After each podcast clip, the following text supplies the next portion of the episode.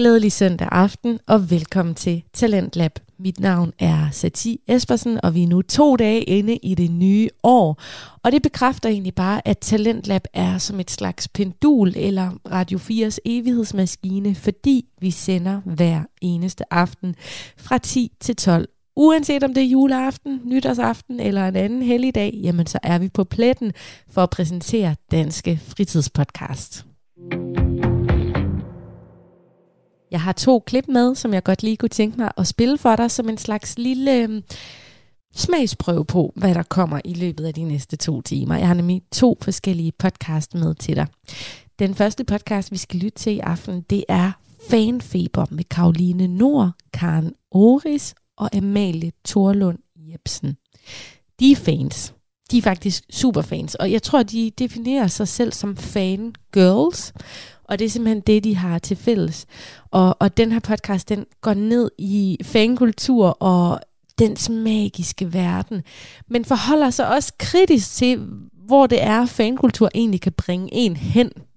Så jeg vælger at skrive altså den længste smøre på hans Facebook-side, hvor jeg altså udtrykker alle mine følelser til ham. Og der blev ikke holdt tilbage. Det, altså, det var, det var, altså, det var virkelig langt. Og øh, alt er godt. Jeg får det sendt afsted på hans side, og jeg er glad og tilfreds, og har ligesom fået udleveret min, min kærlighed. Indtil jeg så næste dag i folkeskolen dukker op og opdager, at der er nogen, der har delt det og er begyndt at drille mig med det. Oj. Og det var først der, de gik op for mig, at alle Ej. kunne se det. Ja, så alle fra mand. min klasse havde liket det og delt det og alt muligt. Ej, fuck, børn i den alder er også bare så onde. Der er så mange gode anekdoter i den her podcast-episode, og det bringer selvfølgelig også noget frem hos mig, og tanker om, jamen, hvad har jeg egentlig været en fangirl i forhold til? Og jeg har sådan lige taget kritisk blik på mine teenageår. Altså, jeg var mega fan af Nephew, mens alle de andre i min folkeskoleklasse hørte Nick og Jay. Og så var jeg også, som den eneste, jeg selv kendte, kæmpe fan af Gavin DeGraw. Det er ham med den der I don't wanna be what I wanna, no, no, no, no, no, no, no, no, no. Kan I huske den sang? Altså, man ved ikke, hvad han synger, men det er, bare, det er bare sådan en melodi.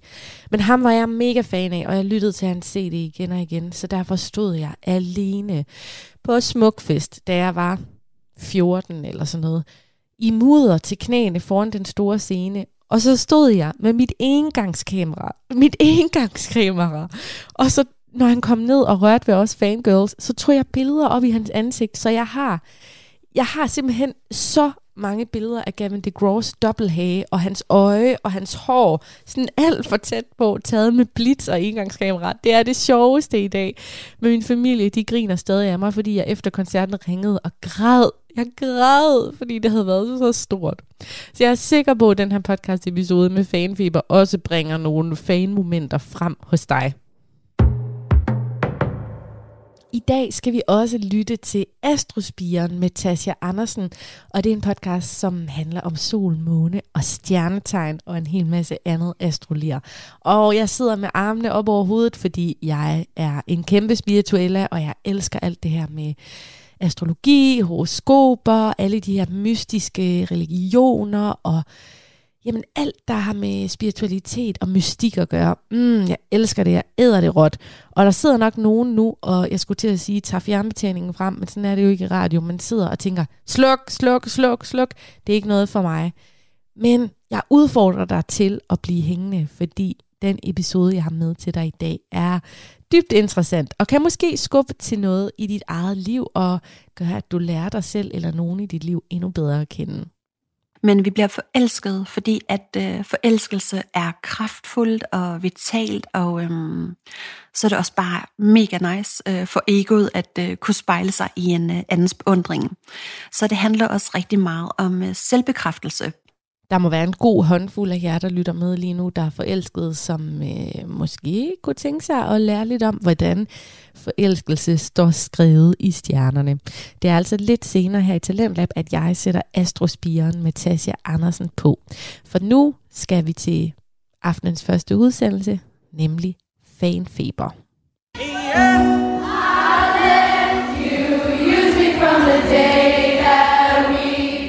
Velkommen til Fanfeber. I dagens afsnit snakker vi om vores fangirl-fødsel. Den første gang, vi blev suget ned i fanhullet. Suset over fællesskabet. Og hvad fankultur ellers har betydet for vores liv. Vi kommer omkring et fanbrev på Facebook-væggen til selveste Blackman. Skammen over at elske K-pop og anime. En smuttur til London for at møde Brienne of Tart og meget mere. Mit navn er Karen Øjes Majorik. Mit navn er Karoline Nord. Og mit navn er Amalie Tørlund Jebsen. Tak fordi I lyttede med.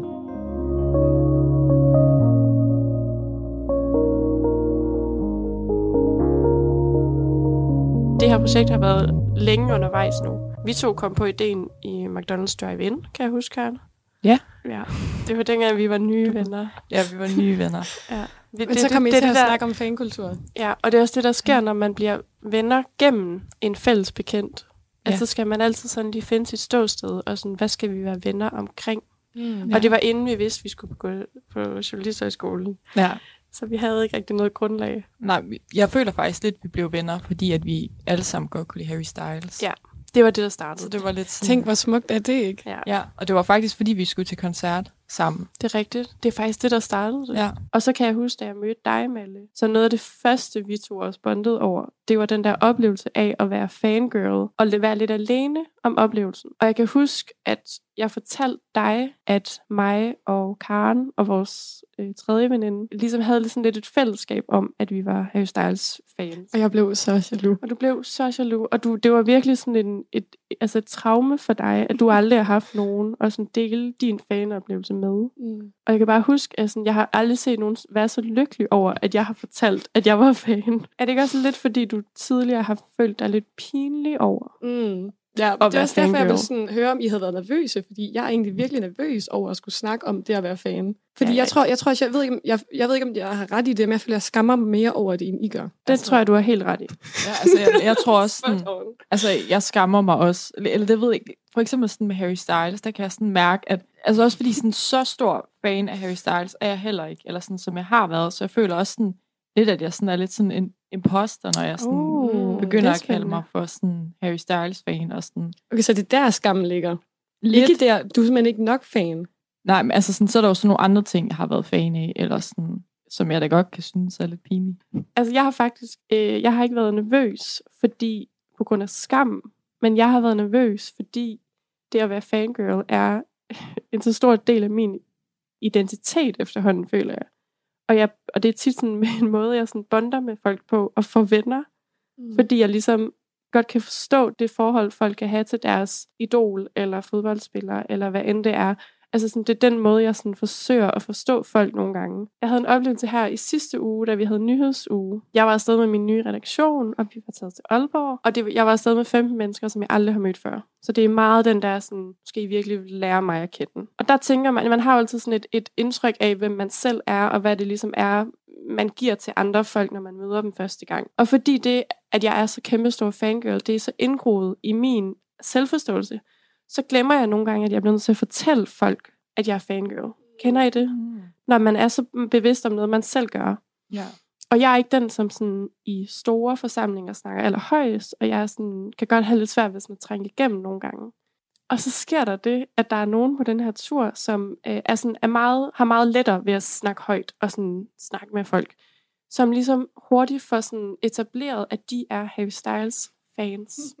Og det var seriøst som at få taget min identitet fra mig. Og de kunne også synge med på sangene. Og de kunne også huske, hvilke nummer på albummet det var og sådan noget. Og jeg blev virkelig ked af det, fordi jeg var sådan helt... Det var jo det, jeg havde. nu har jeg ikke mere. Og jeg kan huske, min baggrundsskærm på min øh, telefon, det er selveste Harry Styles. Og, øh, og jeg kan huske, at, øh, at jeg nogle gange bare sådan lod min telefon være tændt, så folk ligesom kunne se mit baggrundsbillede. Så der ville være nogen, der kunne spørge ind til det. Jeg har også sådan, nogen, der spurgte ind? der var ikke nogen, der spurgte ind til det. Men det var sgu ikke fedt, fordi det var som om, at sådan, når I ved ikke, hvem jeg er, og nu, er, nu har jeg fået frarøvet den mulighed at fortælle, at det er mig, der er Harry Styles fan. Mm. Man kan føle, at man har sådan en veto på det. Fuldstændig. Og der var ligesom nogen, der kom og sådan konkurrerede om den rolle. Følte du så, at de var lige så gode fans, eller lige så meget fans som dig? Nu har jeg ikke lyst til at tale dårligt om andre mennesker. det skal du. Øhm, men der var en, som nævnte, at personen var kæmpe, kæmpe Harry Styles fan. Og så sagde hun også i en bisætning, at hun ikke lige havde hørt det nye album så meget. Og der kunne jeg godt mærke, at øh, der kom et vist raseri fra min i mig. Og det var jo ikke okay. Og det er jo ikke, det er jo fucking åndssvagt. Jeg ved det godt. Jeg kan godt selv høre min egen stemme. Men det- det er jo- men det er jo den fordi, det er-. Det er fordi, det for mig er så personligt at være Mm. fan, fan af noget. Og især med ham. Mm. Altså sådan, det er, det er virkelig noget, jeg bruger meget tid og energi på. Mm. Og så fik jeg lige pludselig ikke muligheden for at sådan fortælle det videre og lave det til min historie. Mm. Jamen, mit problem med sådan, dem, jeg er fans af nu, det er, at jeg er altid kommet lidt for sent til festen. Altså jeg er altid Mm. den, der ankommer, når, når det sjove er sket. Mm. Så jeg er, altså jeg er kæmpe, kæmpe One Direction-fan også. Og blev det først, at de var lidt ved at gå på pause. Og ja, det er en pause. og det samme med øh, Beatles, som jeg var sådan, som var min første fanoplevelse, blev jeg også De først var døde. fan af halvdelen. Altså, der har du ikke haft en chance. halvdelen af banen var dødt. og det andet bare gerne ville sådan have det fedt og leve af deres mange penge. Ja. Mm. Så der har jeg også gået glip af festen. Og med Harry Styles er det sådan den eneste, som jeg sådan har tur være fan af, imens det sker. Fordi det er en kæmpe tryghed for mig først at blive fan af noget, når man ikke kan risikere, at de lige pludselig kommer ud i en MeToo-skandale, eller ja, har overfaldet en eller anden, eller whatever. Og det kan jeg risikere med ham. Jeg kan risikere, at han viser sig at være en kæmpe douche. Men har du gjort det med vilje, det der med, og sådan, eller måske underbevidst med vilje? Det Altså- tror jeg. For, for netop ikke at være sådan, du, du har noget tillid, der kan blive taget fra dig, fordi Præcis. alt er sket. kæmpe, altså sådan, jeg tror, det har været med, underbevidst med vilje, fordi jeg vil gerne have lov til at opleve det der med at kunne være til en koncert, for eksempel. Mm. Fordi jeg har været til utrolig mange sådan, øhm, sådan coverbands af Beatles koncerter, hvor de er klædt ud som med det rigtige lange hår og sådan noget. Og det er sgu bare ikke lige så fedt at være den eneste under 60 til de oplevelser der. Så jeg tror, jeg var sådan lidt sådan, nu gider jeg sgu ikke mere. Nu vil jeg gerne have lov at opleve det.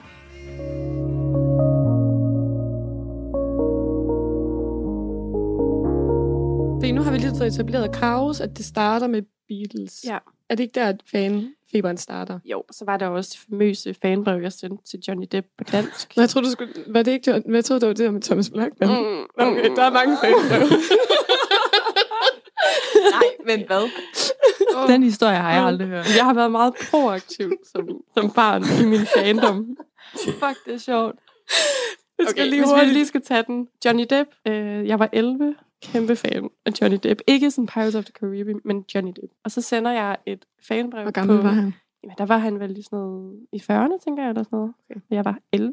Øh, og så sender jeg et håndskrevet fanbrev, hvor der står alt muligt med, at jeg elsker ham, og jeg synes, han er så dejlig og sådan noget. Sammen med en tegning, hvor jeg står ved siden af ham under en regnbue. Nej, det er den new. I was Queer queer. represent- representation is ja, there. fuldstændig. Og jeg finder hans adresse og alt muligt, og, og sender det med posten, og fik hjælp af min mor til at sende det. Hvordan fandt du hans adresse? Jeg gik på nettet. Nå, okay, den var fremme. Den var, det var Brugte sådan en... dine øh, skills. Hedder det? Det var sådan en PO, PO-box Øh, eller sådan noget, hvor man kan sende fan. Og, og det findes jo derude i virkeligheden lige nu. Mm. Og der er jeg peaked med min tegningsskills. Og så var der jo Blackman. Det var, øh, det var lidt senere. Som I, som I, Du har virkelig valgt nogle gode mænd. som I kan høre, har jeg valgt nogle, nogle fantastiske mænd at være fan af. Eksemplariske forbilleder. Ja. Også lidt med noget alders. Noget. Nå. Der har vi alle været. Ja. Øh, øh, ja, men jeg var også kæmpe Blackman-fan. Og sådan tror jeg, jeg blev fan af det der med en, der turde sige sine holdninger så eksplicit. Og det var lige dengang, jeg var kommet på Facebook. Og jeg kom på Facebook, da jeg var 12, fordi min mor hun sagde, at, at det måtte jeg godt, eller sådan, jeg fik lov af hende. Og jeg havde ikke helt forstået Facebook. Så jeg havde ikke opfanget, at det, jeg skrev til andre, det kunne alle se. så, så jeg vælger at skrive altså den længste smøre på hans Facebook-side, hvor jeg altså udtrykker alle mine følelser til ham. Og der blev ikke holdt tilbage. Det, altså, det var, det var, altså, det var virkelig langt. Og øh, alt er godt. Jeg får det sendt afsted på hans side, og jeg er glad og tilfreds, og har ligesom fået udleveret min, min kærlighed. Indtil jeg så næste dag i folkeskolen dukker op og opdager, at der er nogen, der har delt det og er begyndt at drille mig med det. Oj. Og det var først der, det gik op for mig, at alle Oj. kunne se det. ja, så alle fra mand. min klasse havde liket det og delt det og alt muligt. Ej, fuck. Børn i den alder er også bare så onde. Så ondt. Det er sådan et boomer move, men som barn. Ja.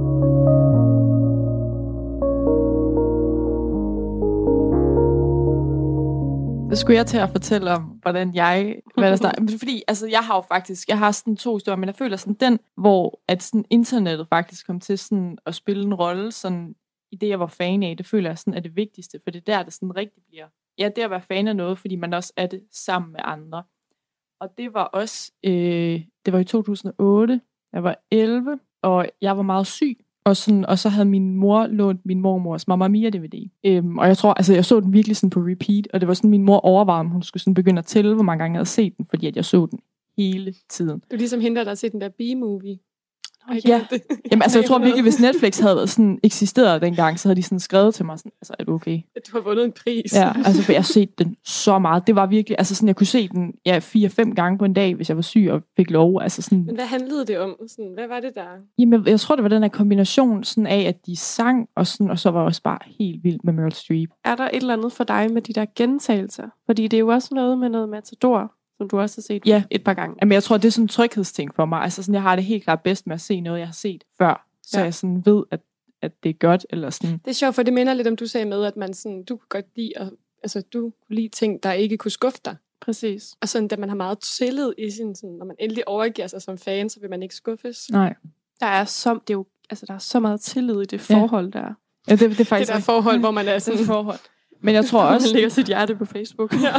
men altså, jeg føler også, sådan, at man også som fan nogle gange kan sådan miste lidt sin sådan kritiske evne. Men altså, man, man kan så også sige, at den 11-årige, der kan være grænser for, hvor meget sådan, kritiske egenskaber man har på det tidspunkt. Fordi så ser man jo alt, hvad der bliver udgivet med Meryl Streep i, og det er jo ikke alt, der sådan har været super godt. Men generelt har hun lavet mange gode film. Men det var det, altså sådan, at jeg gennem den film blev så vild med hende. Mm. Altså sådan, og jeg var også sådan, jeg kan huske, jeg var meget sådan fascineret af, altså også hendes alder, fordi hun var jo sådan 58 eller sådan noget. Ja, da de Der er film. nogle alder ting her også. Der Ja. er lidt nogle alder. Men sådan, og det er det der med, at hun sådan, for det var hun jo ikke i film, hun så meget yngre ud, end hvad hun var. Ja. Og jeg ved ikke, altså sådan, og sådan har jeg også haft det sådan, altså med Helle Virkner i Matador, og sådan alt muligt mærkeligt, jeg ved ikke, Mm. hvorfor jeg sådan er så fascineret af, Ser du Ja. op til dem? Kvindelige skuespillere, der er lidt ældre. ja, Det er virkelig. din type. Det er, og det er det bare. Altså sådan, der må jeg virkelig, altså sådan, ja, Altså, helt sikkert. hvis jeg må gå helt ind til benet, er det sådan noget, altså sådan, er det sådan lidt noget seksuelt, eller er det sådan noget trygheds, en ældre person-agtigt? Altså, jeg ved ikke, om det sådan er sådan seksuelt, men jeg synes, at hun fandme var flot. Ja, det er også pisse lækker. Altså, ærligt talt, ja. det gør jeg da. Det er sådan, sådan æstetisk, at, Ja. ja. Men det er så sjovt, det der med, om det er seksuelt, fordi mm. det tænker jeg også, at det er sådan, du, det er jo ikke, jeg tænker, det har jo ikke været seksuelt for dig at skrive til Blackman eller Johnny Depp nødvendigvis. Nej, nej. Men det er også svært at sige, har det været det? Fordi det er også, hvis man ikke engang ved det i den alder. Jeg tror også, man var 11, og man vidste måske Ja. ikke, hvad sex- seksualitet var. Altså, det ved jeg stadigvæk ikke, hvad. Nej, så så, er sådan- vi tre, tror jeg. What is lost? What is love? Okay, men ja, i min sådan Meryl Streep fan noget, det var ligesom da jeg første gang sådan stødte på internet og fandt ud af, hov, det her kan faktisk bruges til noget. Men jeg var ikke på nogen sådan sociale medier, der var ikke rigtig andet end sådan YouTube på det tidspunkt, som jeg brugte. Og så fandt jeg en rigtig god hjemmeside, der hed simplystreep.com. Wow. Den er rigtig god. Ja, den var rigtig god. Og jeg ved faktisk ikke, om den stadigvæk findes, men det var sådan der, at jeg kom til alt mit fan-materiale. Og så kan jeg huske, at sådan oven på Mamma Mia, så var det ligesom meget sådan moderne, at man, eller populært, at man sådan shippede Meryl Streep og Pierce Brosnan, Ja. som spiller Bill. Nej, Sam. Sam, ja. Fake fan. Excuse me. Som jo er igen, den jeg har ikke rigtige set far. Mamma Mia. Nej, det er han ikke. Nu er jeg jo så kommet sådan på Instagram, og, sådan, og så da Mamma Mia 2 kom ud, så faldt jeg jo lidt ned i sådan det der Meryl streep igen. Altså det er sådan et, det kommer og går med sådan et par års mellemrum.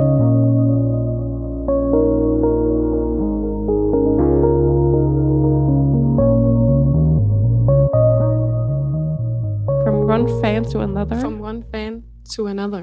Du har jo en lidt anderledes oplevelse i forhold til det der med sådan at have et fællesskab omkring det. Mm, ja. Det er vildt sjovt, at sådan hele episoden har jeg været sådan, Nå, ja, den har jeg jo set. Og, og sådan, I har den, ikke? Ja, I ja. sådan, ja, ja, Ja. ja jeg bakker Det er også fordi, du er lidt... vestlig kultur her. Jamen, det er lige Jeg er lidt et det. andet sted i verden jo. Ja. Jeg er jo i Asien. Du er meget i Jeg Asien. er meget i Asien.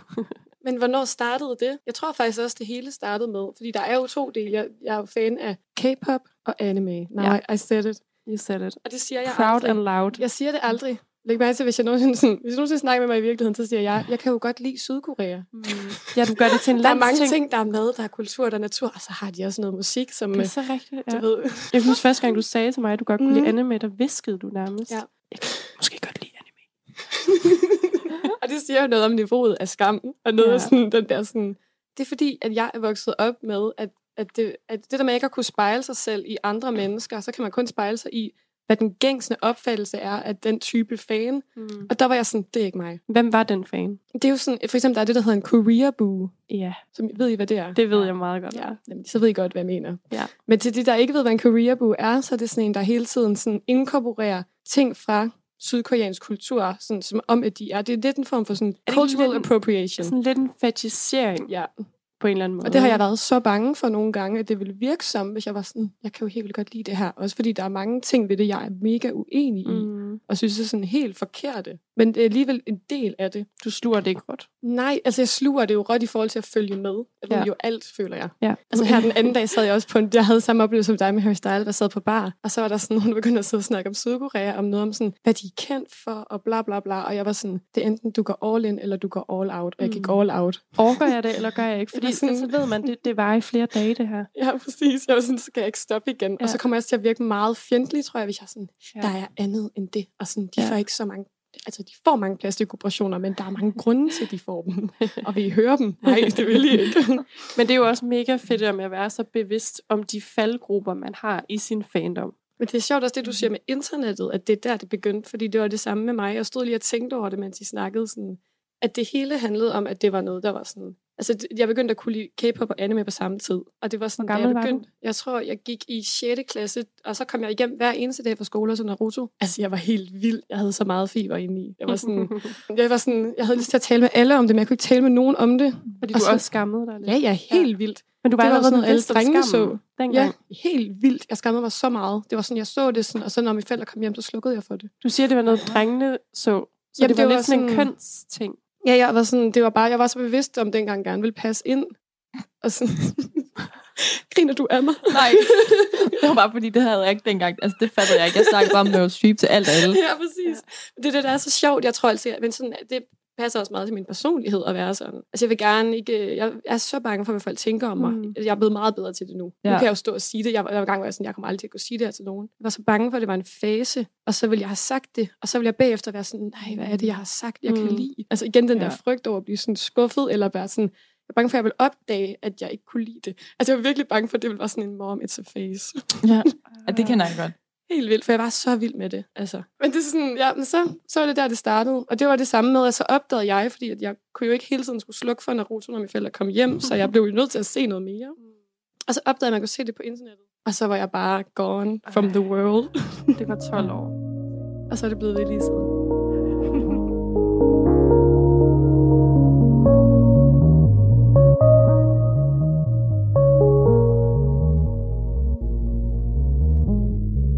Jeg tror også noget af det, vi gerne vil med den her podcast, det er jo også at snakke sådan lidt mere sådan, at det at være fan er ikke bare, jeg kan godt lide det her, mm. så det lytter jeg meget til. Jeg elsker det her, men jeg er også mega kritisk over for mm. det Mm. på samme tid. Ja. Og sådan bare være reflekteret i, i de interesser, man har. ja, og så kan det føles som sådan en ansigtstab, hvis hver gang jeg skal sige, at jeg kan lide noget, så skal jeg kunne sige alt, hvad jeg ikke kan lide, og hvad jeg godt kan lide. Præcis. Man er, Det er sådan, man jeg er bange for at blive set som ukritisk, eller bange Mm. for at blive set som alle de der ting, som der Mhm. bliver associeret med det, jeg godt kan lide. Mm. Fordi der er så mange, især når det er noget, der sådan ikke er sådan hvidt og vestligt. Mm. Mm. At så er der Ja. så mange stereotyper og så mange misforståelser. Og det er virkelig godt for den der følelse nogle gange af at sådan føle, at man er sådan, du ved, andre ved noget om et eller andet i et rum, og så føler jeg ligesom, at, sådan, at så skal jeg blande mig i det. Eller sådan, hvis der, hvis der bliver sagt noget forkert, for eksempel. Altså hvis, hvis de siger noget om K-pop, for eksempel. Ja, ja, så Ja. kan jeg blive så lille indeni, og så sådan skal forsvare den her ting. Men det er jo også mm. det, man Mm. gider ikke at være bannerfører, men samtidig kan man heller ikke lade være. Mm. Hvis der er nogen, der siger noget om fucking BTS, så er du der bare. Præcis. Og jeg, kan sådan helt svede af bare sådan det der med at blive specifik også. Ja, Så jeg ja. sådan, Det er jo ikke kun det. Ja. Fordi så er folk sådan, åh, dem har jeg godt set den der ene video, hvor de danser, og det var lidt mærkeligt, det var dårlig musik. Og så er jeg sådan, ja, den sang hader jeg også, Ja. ja. men der er meget Uh. bag det. Ej, den har jeg også haft med Harry Styles på et Ja. tidspunkt. Altså, sådan, det er virkelig det der, hvor man bare føler, at man bliver sat i Ja. en boks, hvor jeg sådan, du ved ikke, hvor kritisk jeg er. Eller sådan, hvis folk lige så prøver... rigtigt. Altså, også, altså sådan, jeg føler generelt måske, at jeg har sådan lidt normal mængde sådan selvironi, eller jeg føler godt, at jeg sådan kan grine over mig selv, men lige præcis der, det er sådan noget, jeg kan mærke, at det har jeg virkelig, virkelig svært med, fordi at sådan, jeg føler ikke, at folk de ved, hvor kritisk jeg egentlig er, Mm. også fordi jeg nok egentlig til en vis grad tager det meget alvorligt. Mm. Og sådan, ja. Det, gør, det gør jeg også. Det gør vi alle sammen, tror jeg. Tager det sindssygt alvorligt. Ja. Jeg har den også meget sådan, for eksempel med Harry Styles, så øh, hvis jeg fortæller nogen, hvis jeg ligesom tør løfte sløret for, hvor stor fan jeg er, og jeg tager det altid små bidder. Det er ikke fordi, jeg starter med at være sådan... Det skal jeg så ikke lige starte med. Nej, men sådan, jeg, Hvad vil jeg, du sige? Det, jo, Jeg vil godt høre det. fordi jeg starter med at være sådan, jeg har en af hans sange tatoveret. Altså, Ja, ja, for eksempel sådan noget, ikke? Men sådan, jeg tager ligesom i små lag, og så er det bare næsten 9 ud af 10 gange. Den eneste kommentar, jeg får, det er, ej, han er også bare så lækker. Men det kan jeg også huske, vi havde en vildt interessant samtale om en gang, omkring det der med, hvor jeg var sådan, om, om du var tiltrukket Ja, af ham. ja. Fordi det var ligesom det, vi har tidligere snakket om, omkring, om sådan, hvad, er, ligesom sådan, er der et begær i det? Mm. Fordi øh, det, noget, jeg også lægger mærke til, er, at alt starter, da vi bliver teenager, eller sådan i puberteten. Jeg er sådan præ-teenager. Ja, præ-teenager. Så det er sjovt, sådan, det der med, også det du siger nu, sådan, at det, det, han, det, du kan ikke lide, når han bliver Nej. seksualiseret. Altså, jeg, jeg ved ikke, om sådan folk de vil tro på mig, når jeg siger det, men jeg synes, altså sådan, jeg har, det er reelt ikke, fordi jeg har lyst til at være hans kæreste, eller sådan, jeg ser ham ikke på den måde. Selvfølgelig kan jeg if, se, if he asks. no, no, not even, no. Nej, det har vi haft en meget passioneret diskussion om. Ja. Min drøm er jo bare at være hans, hans bedste ven og lægge nejlagt med ham, ikke? altså, og man har jo heller ikke lyst til at knalde sine bedste venner, altid. Nej. Altid. ja. Men jeg tænkte på tidligere, fordi vi kortvarigt var inde på det der med, sådan, at det var noget, der kom, da vi sådan var i teenage-alderen. Mm. Altså, og det gjorde det altså ikke for mig. Jeg tror, jeg har været fan af noget, siden jeg var sådan tre, eller sådan, men der har jo bare ikke haft sådan et outlet for det. Paw Patrol. sådan, den gynge der i børnehaven. Nej, nej, det var, nej, det var dronning Ingrid. Ej, What? Jeg, Jeg var elsker din... så øh, besat af dronning Ingrid. Altså sådan, og mind you, Må jeg var spørge, tre, hvem det er nu? Det er dronning Margrethes mor. Okay. Og det var også første gang i mit liv, jeg sådan virkelig oplevede skuffelse. Altså sådan, fordi at jeg kan huske, og det har jo så været i år 2000, har nok været sommer, hvor min mormor havde taget mig med til Kristens Slot, fordi de kongelige, de var ligesom derinde, og sådan, noget, så skulle vi se Livgarden, og så vi dronningen og dronning Ingrid, og sådan, dronningens søster, de ville komme ud og vinke, og jeg glædede mig jo fucking meget, og vi havde siddet der sådan, eller stået og ventet virkelig længe, og jeg kan huske, at jeg sådan skulle sidde på min mormors dukke Mimi, og sådan sidde og vente, fordi jeg bare blev fucking træt. Og, sådan, og så lige pludselig, så kommer de jo så ud, og så er jeg sådan, Mormor, hvor er Ingrid henne? Og så, jamen, jamen, Karen Ingrid, hun er desværre syg. Nej, nej, nej. Og så er jeg sådan, hvad satan? altså sådan, jeg havde ventet så længe, og så kom hun ikke engang ud af vinge, og så døde hun jo så også et par måneder efter. Altså, Nej. may she rest in peace. Men altså sådan, der kan jeg virkelig huske, det var sådan, første gang, jeg sådan oplevede skuffelse, for jeg havde bare glædet mig sådan, så hun skulle komme ud af vinge, og så var hun syg. Men Følte Ja. du dig sådan lidt forrådt af hende? Jamen, det tror jeg ikke rigtigt. Eller sådan, jeg tænker, om hun er jo syg, altså sådan, det kan hun jo ikke gøre for. Nej, nej. Og hvor gammel var du? Tre. Altså, det kan du huske. Ja. Men jeg kan huske, jeg kan huske Jeg mange elsker, mærke. typen starter der. Det Ja. er sådan Ja. dronning Ingrid. Ja. ja. Også fordi der er igen det der med en stærk, ældre kvindelig figur. kommer Meryl Streep, som jeg også føler er lidt royal. Eller sådan lidt. Hun har en vibe. Kan jeg også huske, da jeg så kom ind i det, hvor jeg var sådan, wow, jeg er sygt meget fan af hende mm. her. Og så fandt jeg ud af, at det var hele verden så også bare. Eller sådan det der med, at hun blev bare kaldt for sådan, vores generations sådan, bedste skuespillerinde. Eller sådan et eller andet, hun havde. Var der noget skuffende for dig, at, at så mange andre delte den, den sådan kærlighed? Lidt, tror jeg faktisk. Altså der kom det, hvor jeg var sådan, nå okay, så er jeg ikke sådan original, Ja. eller hvad. Men så kunne jeg også sådan, fordi jeg føler sådan, de fleste kunne godt lide hende på sådan en grundlæggende niveau, eller sådan, om Mm. hun er meget dygtig, eller sådan, så kunne jeg jo virkelig sådan nørde ned i det, og være sådan, ja, ja, men jeg ved også alle de her ting om hende, eller Ja. ja. sådan et eller andet. Øhm, Ja, fordi det tror jeg også er en del for mig af, det der med ikke at dele det, at jeg også rigtig, rigtig godt kan lide at have det for mig selv. Mm. Ja. Og det er ret nemt, når man er fan af noget, der er ret obskurt. ja.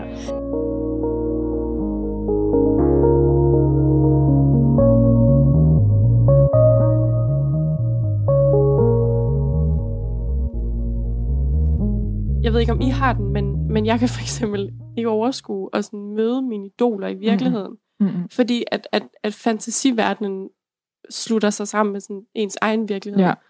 Ja. Øhm, og sådan, det, der kan gå så meget galt i det møde. Ikke? Altså sådan, prøv at tænk, hvis man har brugt 5, 6, 7, 8, 12 år. Tænk, hvis de er syge og dør. Ja, men, altså sådan, og nu har jeg jo så faktisk også mødt et af mine idoler. Da det sådan var på mit altså, højeste. Jeg var kæmpe Gwendolyn Christie-fan, og det er jeg stadigvæk. Men jeg mødte hende sådan, og det var lige sådan, da hun var... Altså, jeg tror, ja, i maj, tror jeg, de sidste afsnit af Game of Thrones kom ud. Og så start, lavede hun... Kan du lige fortælle, hvem hun er til dem, der ikke Ja, det? Gwendolyn Christie spiller Brienne of Tarth i Game of Thrones, som er hende den meget høje, meget grimme kvindelige ridder. Ja, men anyways, altså sådan, så hun er ligesom, og hun var virkelig blevet hyped op, altså sådan, fordi det var som om alle folk lige sådan der i det forår først fik øjnene op for, hvor fucking sej hun var. Altså, fordi hun kom til, hvad hedder det, premieren på Game of Thrones i den her kjole. Nu kan jeg ikke huske, hvad designeren hedder, men virkelig sådan meget sådan flot kjole, altså sådan, som havde sådan nogle ærmer. Sådan, altså, det var, det var fantastisk, og jeg går ikke særlig meget op i sådan mode, men det kommer jeg da til. men sådan, så øhm, skal hun så spille Titania i A Midsummer Night's Dream, som er et Shakespeare-stykke, og det er ligesom blevet sådan genderbent, så der er de der to sådan, altså den maskuline hovedrolle og den kvindelige hovedrolle, og så har de sådan byttet om på deres replikker. Så hun skal spille en eller anden kvindelig fe og sådan noget, men hun har mandens replikker. Mm. Hvilket er fucking nice. Og sådan, og det var også, altså sådan, ellers ville det ikke give mening for hende at være med i sådan et stykke. Og jeg er sådan, jeg skal til fucking London, og jeg skal se det. Og så ender jeg så med at få min ven Sara, som jeg går på højskole, med. Og, sådan, og vi kommer til London, og, sådan, og alt er nice, så vi inde og se det stykke, og det er mega fedt, og, sådan, og så skal vi så ud og møde hende bagefter. Så det er meget normalt, at man sådan, skuespillerne kommer ud til sådan en stage door bagefter, og sådan siger hej til fans, og skriver autografer og tager billeder og sådan noget. Øhm, og så ender vi så med at stå sådan helt op foran, altså sådan i den der kø, da vi kommer ud. Vi er nogle af de første, der er ude. Så det betyder også, at hun kommer hen til os først. Ej, ej, ej. Og jeg panikker. Altså sådan, ja. Seriøst, klappen går. Fuldstændig ned. Jeg kan ikke sige noget, og, sådan, og jeg har også haft sådan, jeg har rimelig sådan, jeg har hø- høje hæle på, så jeg, altså sådan, jeg er faktisk sådan, jeg tror, jeg er 3 cm højere end hende, eller sådan noget. Hun er jo 1,91. Nej. Så jeg er også lidt høj, men, sådan, men jeg står bare sådan og kigger hende lige ind i øjnene, og jeg, bare sådan, jeg kan bare sådan mærke, jeg kan ikke sådan trække vejret, og sådan, det eneste, jeg kan tænke på, det er bare sådan, gud, hun er lige så flot i virkeligheden. Og, sådan, er jeg sådan, og jeg kan bare, ej, fuck, ej, sådan, jeg skal sige noget, jeg skal sige noget, og, sådan, og så får jeg hende til sådan, at skrive sin autograf i min fucking dagbog. Altså sådan, og det er jo bare sådan, og det er så pinligt stadigvæk. Og, jeg er sådan, og vi skal have taget det der billede der, og Sara er sådan 1,64 eller sådan et eller andet. Så det er jo, så det er bare sådan, virkelig, ej, ligner en sindssyg på det der billede. Jeg ser fuld, man kan bare sådan, man kan bare se vanvittigt i mine øjne. Altså sådan, hun, jeg forstår sådan, men det er som om, at da jeg står i det der øjeblik, at hun må, altså sådan, det går bare op for mig sådan, hun er også bare et menneske. Hun er også bare en, der skal sådan, Jamen, det er det. hjem efter arbejde, Ja. og sådan, jeg er jo fuldstændig sindssyg, hvad laver jeg her? Lang dag. Altså, ja, det, hun har lige stået, hun har lige Ja. hængt op i loftet sådan Ja. sygt længe. Du er sådan i London. Ja, du er sådan i London. jamen, jeg, Nå, altså, du er taget til London, Jeg og hun skal hjem til London. Ja, og hun vil bare præcis. gerne hjem og holde Ja. fire aften. og jeg er sådan, um, altså, og så står jeg der, og jeg, sådan, jeg kan ikke sige noget, og det eneste, jeg får sådan sagt til hende, sådan udover, at jeg får sådan spurgt hende, om hun vil skrive under i min øh, dagbog der, det er sådan, "We- we are speechless. og det var Sara, ikke? Altså, Sara kunne fint finde ud af at sige noget. Me, myself and I. Me, myself and I. Så var dig stå sådan og kigge hende i øjnene, hvilket hun nok aldrig rigtig oplever, sådan, hvor højt det er, og så bare sige, we're speechless. Jamen, og så mens jeg smiler sådan rigtig og sådan. Vi bliver nødt til at have fat i det billede der. Jeg bliver nødt til at se de der crazy Ah, men det er- eyes.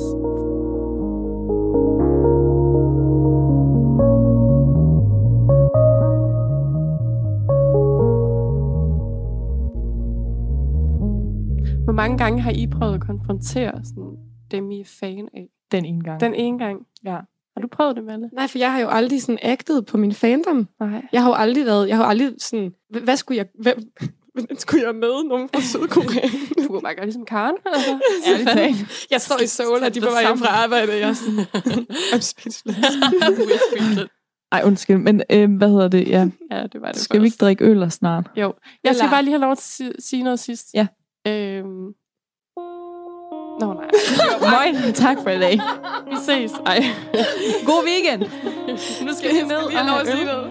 Vi skal ned og have øl nu i fredagsbar. Ja, Og jeg Ja. skal på toilet. Det skal du du bare. har holdt dig i lang tid. Ja, der har du. Jeg har virkelig også givet sådan Det har de givet fødder en god tension i hele livet. Tak fordi I lyttede med. Mit navn er Amalie. Mit navn det er Karen. Mit navn er Karoline. Du har lyttet til Fanfeber. Og du har lyttet til Fanfeber på Radio 4. Det her program hedder Talentlab, og vores fornemmeste opgave det er at præsentere dig for nye, spændende fritidspodcasts. Tak til Karoline Nord, Karen Oris og Amalie Thorlund Jebsen for at dykke ned i det her fankultur.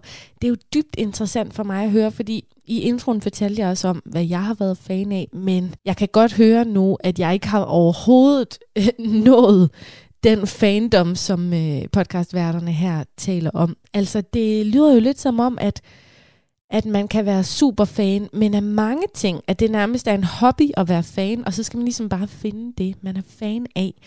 Og det handler rigtig meget om fællesskabet og øh, den der følelse, det giver at være fuldstændig opslugt af et bestemt emne. Så tusind tak for den her spændende episode, og vi glæder os til at sende meget mere fra Fanfeber her på Talentlab. Tasha Andersen, hun er ikke fan af K-pop eller Harry Styles eller Johnny Depp. Det er stjernerne, det handler om. For nu skal vi til podcasten Astrospiren, som i dag handler om horoskopets huse. Og hvis du ikke aner, hvad jeg snakker om, jamen så kan du lære det hele nu. God fornøjelse. Du lytter til Astrospiren, en podcast om sol, måne, stjernetegn og meget andet astrologi. Mit navn er Tasha, og hver måned spreder jeg nye astrologiske frø i din øregang. Frø, som du kan samle op, studere, vande og måske få til at spire og slå rødder hos dig. Velkommen til.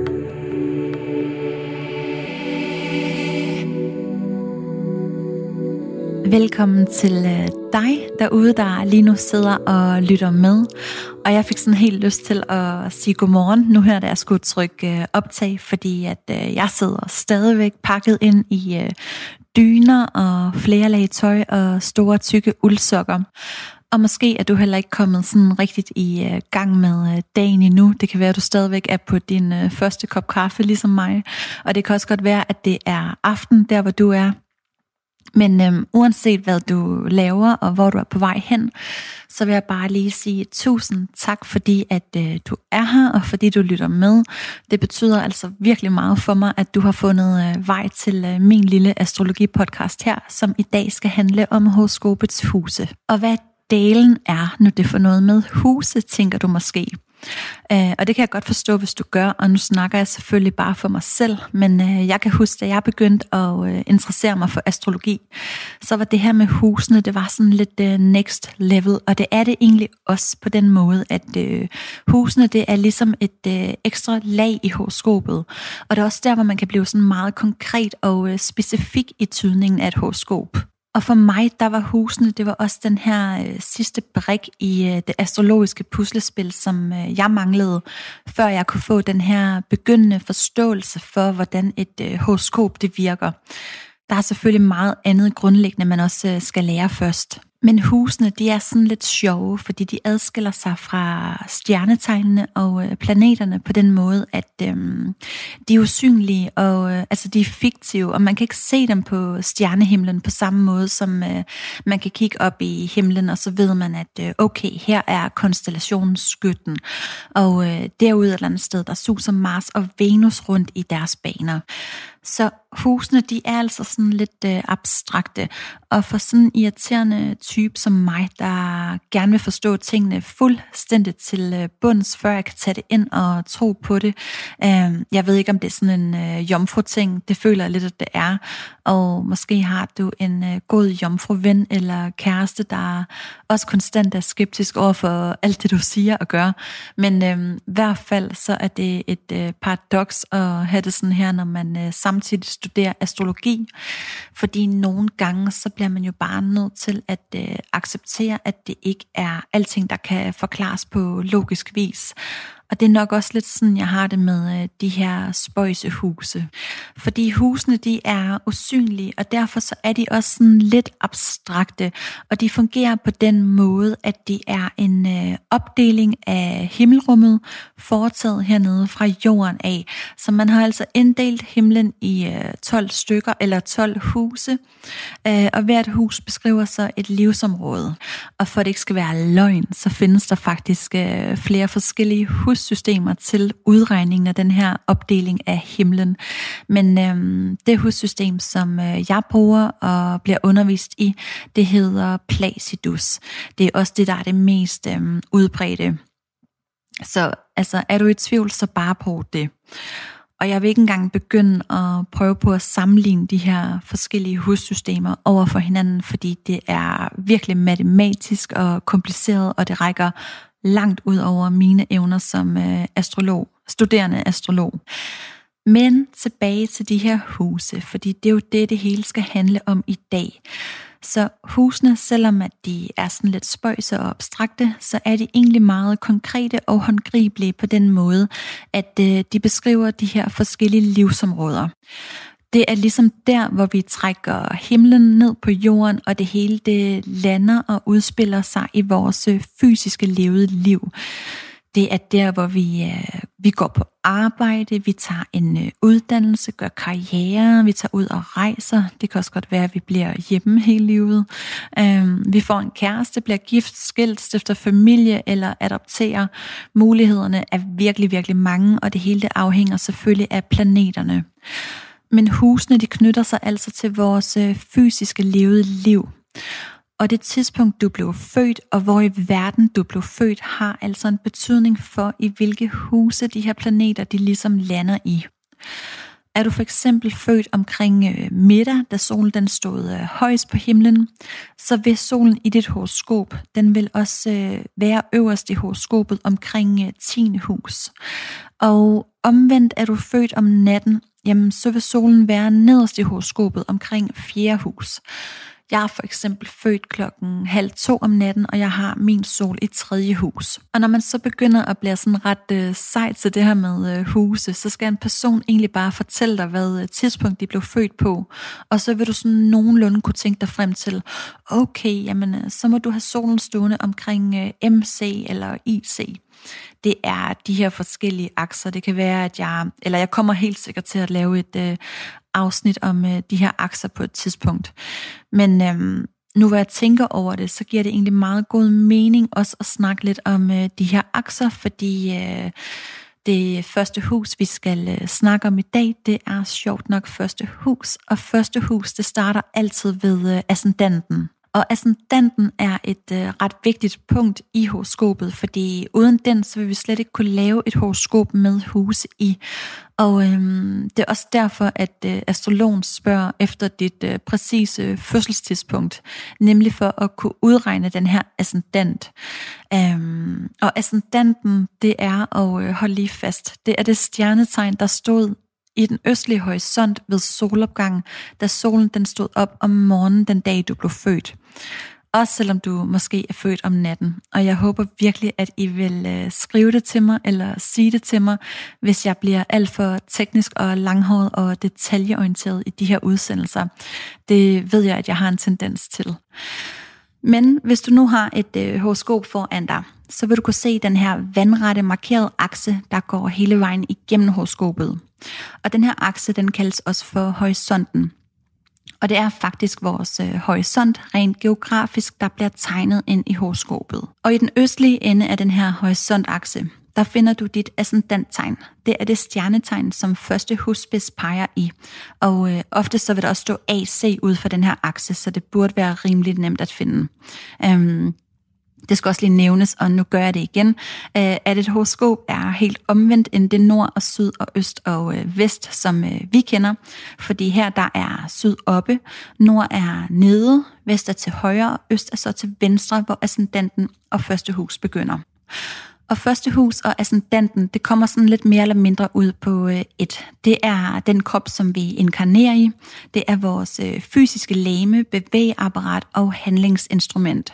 På en måde så er ascendanten øh, en stor kosmisk øh, fødselskanal, hvor vi inkarnerer som sjæle i vores øh, fysiske kroppe her på jorden og øh, manifesterer os i den fysiske virkelighed. Og i de tidligere afsnit, der har vi snakket meget om det her med, at det øh, kræver en Saturnrunde, de her 29-30 år, for at komme fra vores sådan lidt øh, umodne teenage-måne over til vores øh, voksne sol og blive bevidste. Men øhm, i den esoteriske astrologi, der skal vi altså gå fra vores soltegn og over til vores ascendant. Så her der bliver det ascendanten, der er det vigtige punkt. Det bliver sjælens målsætning i den her inkarnation. Og øhm, jamen, altså uden kroppen, så vil vi vi vil kunne tænke en masse tanker og føle en masse følelser, men vi vil ikke rigtig kunne handle på dem. Så kroppen, det er sjælens rustning, der skal manifesteres og øh, udføre kærlige gerninger her på jorden. Og hvad er der mere at sige om det her hus? Jeg føler, at jeg har glemt noget. Øhm, jo, ascendanten, det er også øh, det førstehåndsindtryk, du giver, når du møder din omverden, når du kommer ind ad døren og siger, hey, her er jeg. Det er ligesom den øh, butiksfacade, du kan se udenpå med alt det, der er stillet frem i vinduet, og døren er så porten ind til sjælen. Og når man så kommer ind bag den her facade, så kan det her hus, det kan jo rumme meget andet i øh, alle krone og hjørnerne, end hvad du umiddelbart lige kunne se i vinduet. Det er også derfor, at det er et øh, skjult hus på den måde, at øh, har man planeter her, for eksempel solen, altså ens inderste identitet, så kan det godt være lidt svært at finde ind til sin øh, egen kerne og blive øh, bevidst om, hvem man egentlig er. Men ofte så har man også rigtig meget overskud og vitalitet og energi at hente, og finder sin identitet gennem fysisk aktivitet. Og det er faktisk det samme med øh, Venus. Hvis øhm, den er placeret i første hus, så kan man godt have lidt svært ved at få øje på ens eget værd og se, hvor smuk man selv er. Men øh, samtidig så vil det også give en øh, person, der har et øh, attraktivt og charmerende yder. Tilbage til den her port. Personer med øh, solen eller andre planeter her står indenfra og kigger ud og kan ikke se sig selv. Øh, for alle andre der kan det være nok så tydeligt set udefra, men øhm, ikke for personen selv. Jeg har også lagt mærke til, at øh, mennesker, som jeg har mødt, der har mange planeter i første hus, det bliver ligesom mere tydeligt. Man kan næsten mærke energien fra de her planeter rent fysisk, når de træder ind i et rum. Og der mener jeg ikke nødvendigvis, at det, at det er dem, der buller ind og snakker højst og griner højst. Det kan sagtens være den stille, generede type, der ikke øh, gør sig bemærket. Men alligevel, så kan man bare mærke den her øhm, citron og elektricitet omkring dem. Og hvis du lige nu sidder og kigger på dit øh, horoskop og tænker, shit, fuck, jeg har en øh, masse planeter her, så bare altså tag det helt roligt. Øhm, det jeg kommer med her, det er Altså det, det er eksempler, og i en tydning er det altså hele horoskopet, man kigger på, og planeterne, hvordan de snakker sammen indbyrdes, altså det, der hedder aspekter. Okay, det var ret meget om øh, første hus. Men øh, det er også et spændende hus, synes jeg. Det er jo der, hvor ascendanten er, øh, vores målsætning, eller sjælens målsætning. Jeg har ikke selv nogen planeter i første hus, men øh, jeg har krabse ascendant, og har lige lært, at øh, det betyder, at man har healer-evner, øh, hvilket er ret sejt, synes jeg. Det har man faktisk også, hvis man har fiskeascendant, altså healer-evner. Øh, det kan være at lave et afsnit øhm, om ascendanterne på et tidspunkt, for der knytter sig sådan nogle øh, mottoer til hvert tegn. Og de her mottoer, de er ret smukke, men øhm, det bliver i et øh, andet afsnit. Og så videre til andet hus. Vi har fået en krop, og øhm, nu vil vi gerne begynde at skabe resultater konkrete, målbare og fysiske resultater med den her skabende krop. Så andet hus, det er sådan et rigtigt uh, resultat- og ressourcehus. Det er meget kontant og konkret på den måde, at um, det handler om, uh, hvordan tjener jeg mine penge, hvordan får jeg mad på bordet. Nogen kalder det også for et uh, pengehus, fordi det kan fortælle om dit uh, forhold til uh, økonomi og penge, og om du for eksempel er en uh, big spender, om du er sparsomlig, gavmild, eller med en øh, Neptun i andet hus, så kan det godt være, at du er fuldstændigt i øh, drømmeland og går og dagdrømmer om at vinde den helt store gevinst og slet ingen virkelighedssans har med din økonomi. Men i det hele taget, det her med at bruge sin øh, krop og skabe fysiske resultater, hører meget andet hus til. Det er også her, man kan se, om en person vil kunne egne sig til at blive øh, selvstændig. For det handler meget om øh, det skabende arbejde, altså det slags arbejde, hvor man har, hvor man har det mellem hænderne og får skidt under neglene. Så der ligger noget skaberkraft her og en beundring af den fysiske skønhed og alle de jordiske godter, der er tilgængelige tilgængelig og bare venter på at blive øh, taget i brug. Hvis øhm, du kan se det, så kan du røre det og smage på det, nyde det, beundre det og gøre det til dit. Øh, det er de ressourcer, du hele tiden har at øh, trække på og dele ud af. Det er ligesom den madpakke, de har givet dig med for oven i den her inkarnation, og som du altid kan tage en øh, bid af, når du er sulten, eller dele med en, du holder af. Og for at gøre det mere håndgribeligt, altså det er jo andet hus, så det skal helst blive til noget det her, så kan vi tage månen som eksempel. Månen det er vores øh, fortid, følelser og øh, tilknytninger. Står den i andet hus, så vil man være meget knyttet til øh, fysiske genstande og minder. Øh, altså man vil måske ligefrem samle på minder og gå rundt og gemme på en øh, gammel biografbillet eller værne om andre ting fra ens barndom og ungdom, som har en øh, følelsesmæssig betydning for en. I det hele taget vil man have stærke følelsesmæssige tilknytninger til fysiske genstande. Og det er godt nok svært at sige. Fysiske genstande. Og øhm, nu kan jeg høre, at håndværkerne de er begyndt at bore og banke ind ved siden af. Øh, men det passer meget godt, når vi alligevel snakker andet hus. Jeg håber, at I kan abstrahere fra det, og så vil jeg prøve at gøre det samme. Hvad var det nu, jeg mere skulle sige her? Øh, jo, månen det er nok den planet, der bliver mest øh, præget af det hus, den står i, øh, frem for tegnet. I hvert fald ud fra, hvad jeg har lært og, og læst mig til, så vil månen i andet hus, det vil give en et meget stærkt øh, tyrepræg, da tyren hersker over andet hus. Og man vil være meget optaget af det fysiske og sanselige, alt det, der kan tages og føles på og sanses og nydes. Øh, det kunne også godt være, at man kunne blive en um, emotional shopper på den her konto. Det ved jeg ikke. Um, ej, det er bare for sjov. Men tilbage til det her med øh, ressourcer. Ja, andet hus, det er ens øh, egne ressourcer. Det var den her madpakke, du altid kan tage og spise af, hvis du bliver sulten. Men du kan jo også vælge at øh, dele ud af dine gaver. Og med månen her, så bliver det hele ens øh, barndom og opvækst og øh, det miljø, man er opvokset i. Det bliver den ressource, man altid kan tage og trække på og dele ud af til andre. Ens opvækst, altså de første år i tilværelsen, det vil være den erfaring, den ressource, du altid kan vende tilbage til og trække på i, øh, i svære situationer. Jeg har en øh, veninde, som... Øh, hun har måne i fisken i andet hus. Og en meget stor del af hendes ungdom øh, og barndom øh, var præget af anoreksi og spiseforstyrrelser. Og i det hele taget det her med at have et, for, et forvrænget øh, kropsbillede. Hun er heldigvis kommet ud på den anden side af alt det her. Hun er blevet selvstændig psykoterapeut, og nu bruger hun så sine øh, tidligere erfaringer, hendes ressourcer på at hjælpe andre unge mennesker med spiseforstyrrelser i øh, terapiforløb i den her lille biks, hun har bygget op. Og jeg synes bare, at hun er et øh, virkelig smukt eksempel på, hvordan en øh, måneplacering som hendes, der har bøvlet rigtig meget i starten af livet, at, øh, at hun kan forvente det om at øh, bruge det som en kæmpe styrke til at øh, hjælpe andre. Der er altså også andre ting i hendes horoskop, der peger i retningen af spiseforstyrrelser. Øh, bare hvis du skulle sidde lige nu og kigge øh, på dit horoskop og se, at du har månen i andet hus, så betyder det altså ikke, at du nødvendigvis har et forvrænget kropsbillede. Det synes jeg bare lige var vigtigt at få på plads. Og hvis vi lige skal tage et øh, sidste eksempel mere. Øh, Neptun, som jeg allerede har nævnt, så er økonomi en by i Rusland, og man smider måske om sig med penge, bliver udnyttet på det groveste, eller pengene forsvinder bare af sig selv på magisk vis.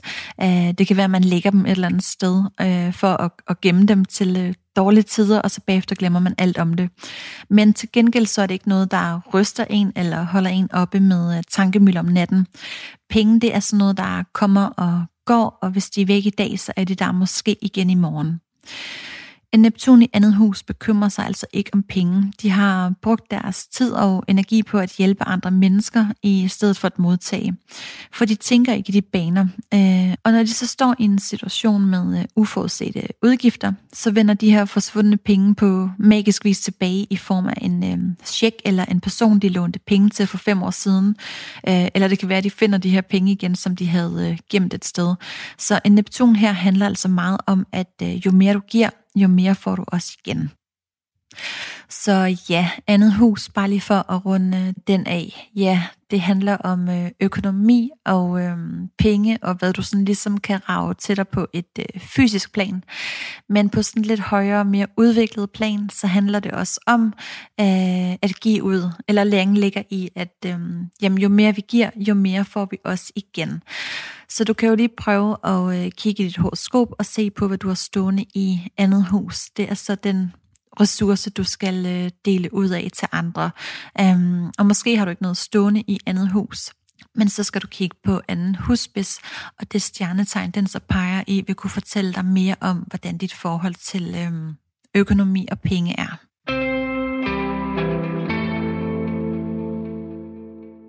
Du har lyttet til Tasha Andersen fra podcasten Astrospiren, og jeg sender resten af den her episode på den anden side af nyhederne. Lige præcis astrologi og spiritualitet, det er noget, der findes et hav af podcast om derude, både på dansk, men også utrolig mange på engelsk. Jeg tror faktisk, det er en af de stærkeste genrer i podcastgenren. Spiritualitet er øh, virkelig et sted, hvor jamen, øh, podcast kommer til sin ret et eller andet sted, fordi det er muligt at komme ud med det budskab, som måske ikke er så mainstream, fordi man kan lave sit eget show. Du kan høre endnu mere Astrospiren klokken 5 minutter over 11.